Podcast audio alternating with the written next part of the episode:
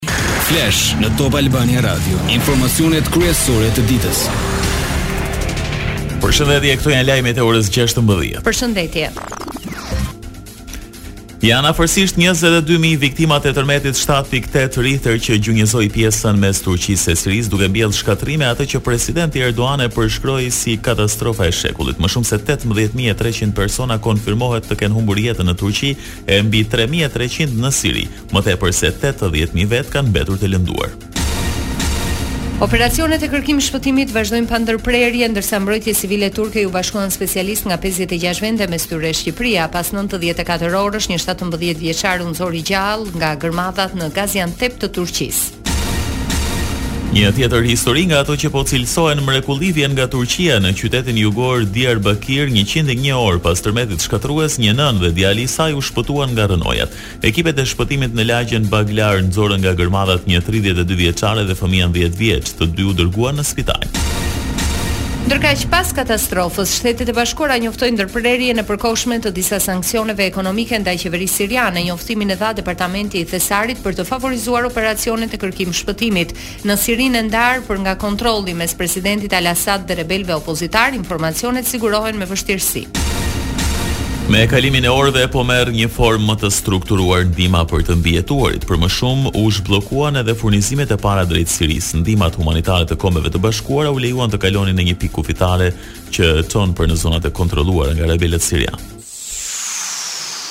Lajmet në internet në adresën www.topalbaniaradio.com. Për të tretin muaj radhazi rritja e çmimeve u ngadalësua në janar, por të ushqimeve vijojnë të larta. Sipas Instatit, inflacioni që mat ndryshimin e çmimit të mallrave të konsumit zbriti në 7.2% muajin e kaluar, nga shtatë pikë katër që ishte në dhjetor dhe tetë pikë tre në tetor, kur u shënua niveli më i lartë nga viti nëntëdhjetë e tetë. Pozitivisht ndikoi dhe ulja e inflacionit në Eurozonë. Abuzimet me projektin e rrugës Tiranë-Elbasan, Sekretari i Përgjithshëm socialist Damian Gjiknuri sot ishte në SPAK ku qëndroi për rreth dyzet minuta, për gazetarët vuri në dukje se ishte në lidhje me rolin si ministër në konstatimin e abuzimit e shtoi se shpjegimet i dha në prokurori. Kam qenë në lidhje me rolin tim si ministër në konstatimin e një nga abuzimeve më të mëdha në historinë e rrugëve në Shqipëri, rruga Tiranë-Elbasan, e cila ishte planifikuar ose kontraktuar mos gaboj me dyqind e dyzet milionë euro dhe përfundoi me një kosto katërqind milionë euro. Shpjegimet e mia i dhashë në prokurori, kështu që nuk kam ndonjë gjë për të shtuar për mediat më tepër. Faleminderit. Dy shtëpi bari u zbuluan në Vlorë dhe në Selenicë dhe mes gjashtë të prangosurve katër janë punonjës të OSHEE-së që mundësuan kultivim kanabisi me llamba. Gjithashtu u sekuestruan njëmbëdhjetë kilogram kanabis dhe mbi njëqind pesëqind, më falni, bimë narkotike. Në mes të Vlorës u zbulua një vilë luksoze me kanabis, pasi i afërmi i pronarit plagosi fqinjin me armë. Pronari u shpall në kërkim e po i hetohet pasuria. Në Selenicë u zbulua një stan ku po ashtu kultivohej kanabis me llamba. Një ditë pas njoftimit nga Partia Demokratike lidhur me protestën e njëmbëdhjetë shkurtit ora dymbëdhjetë në Tiranë për dorëheqjen e kryeministrit Rama, policia publikon akset që do të bllokohen deri në fund të tubimit. Duke filluar nga ora gjashtë e mëngjesit nuk lejohet parkimi i automjeteve në disa rrugë e sheshe, ndërsa në dhjetë dhe deri në mbyllje të protestës ka ndalim qarkullimi të automjeteve. Ndalesat e bllokimet përfshijnë bulevardin Dëshmorët e Kombit, sheshin Nënë Tereza, rrugën Ismail Qemali, nga kryqëzimi i asaj së Elbasanit me Ibrahim Rugovën, rrugën Papa Gjon Pali i Dytë, bulevardet Zhan Dark dhe Bajram Curri, nga kryqëzimi i rrugës së Elbasanit me Ibrahim Rugovën. Lajme nga rajoni.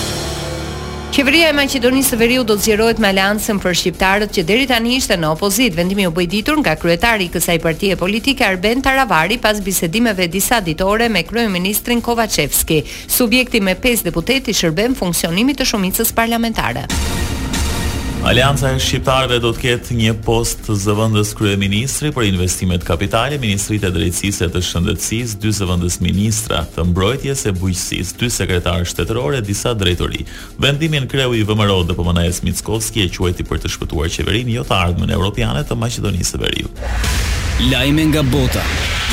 Dy javë para se të mbushet një vit nga fillimi i luftës së Rusisë në Ukrainë, raportohet se sot forcat ruse goditën infrastrukturën e rëndësishme në Kharkiv, qytetin e dytë më të madh të Ukrainës, po ashtu ndërmorën sulme të shumta në infrastrukturën energjetike në Zaporizhia pikërisht në kohën kur Moska po i shton sulmet në jug dhe në lindje të territorit ukrainas.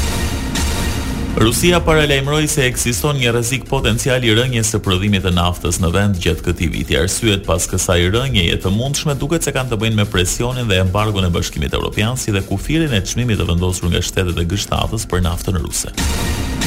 Sanksionet amerikane, europiane dhe vendeve të tjera kundër Rusisë vazhdimisht rriten. Në fuqi ka një varg prej tyre dhe që përfshijnë masa që nga ndalimi i mallrave dhe shërbimeve ruse deri te bllokimi i transaksioneve financiare të Moskës.